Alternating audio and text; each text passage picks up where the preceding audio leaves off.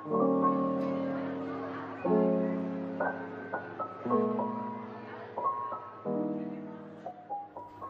Karsa, kita bercerita. Halo semuanya, semoga kalian selalu dalam keadaan yang bahagia ya. Perkenalkan, aku Satria dan selamat datang di podcast Kata dan Karsa. Mengapa kata dan karsa bisa menjadi judul dari podcast ini?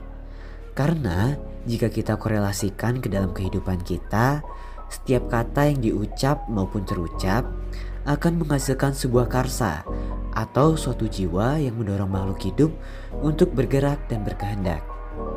Dengan itu, semoga kata-kata yang terucap di podcast ini bisa menghasilkan dan membentuk suatu karsa yang baik bagi kalian yang mendengarkannya.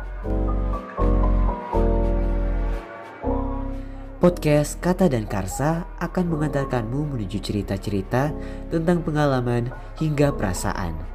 Temukan hal menarik yang perlu dibahas dalam podcast ini yang tergerak oleh Karsa dan disampaikan melalui kata-kata.